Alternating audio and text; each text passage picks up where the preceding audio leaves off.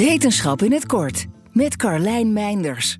De vaak gebruikte temperatuurlimiet voor menselijk overleven bij extreme hitte moet naar beneden worden bijgesteld, zeggen wetenschappers van onder andere het Radboud UMC.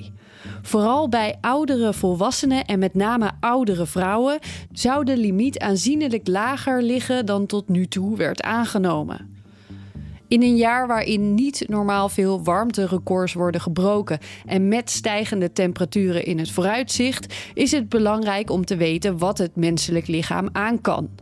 En daarvoor is de luchttemperatuur die we gebruiken om aan te geven hoe warm het buiten is, geen goede graadmeter. We kunnen beter kijken naar de natte boltemperatuur, zeggen de onderzoekers, want die neemt ook luchtvochtigheid mee.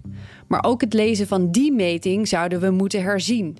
35 graden werd lange tijd gezien als de bovengrens. Alleen zijn daarin dingen als leeftijd, geslacht en lichaamsbouw nooit meegenomen. Doe je dat wel, dan moet die bovengrens vooral voor ouderen omlaag. En al helemaal voor oudere vrouwen.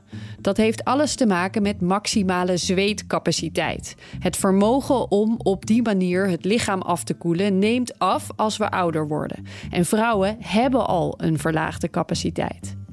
De overlevingslimiet moet daarom 0,9 tot 13 graden omlaag.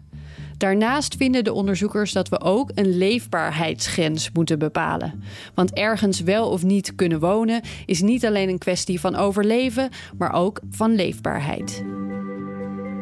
Wil je elke dag een wetenschapsnieuwtje? Abonneer je dan op Wetenschap vandaag. Luister Wetenschap vandaag terug in al je favoriete podcast-apps. Business Booster. Hey ondernemer, KPN heeft nu Business Boosters. Deals die jouw bedrijf echt vooruit helpen. Zoals nu, zakelijk tv en internet, inclusief narrowcasting... de eerste 9 maanden voor maar 30 euro per maand. Beleef het EK samen met je klanten in de hoogste kwaliteit.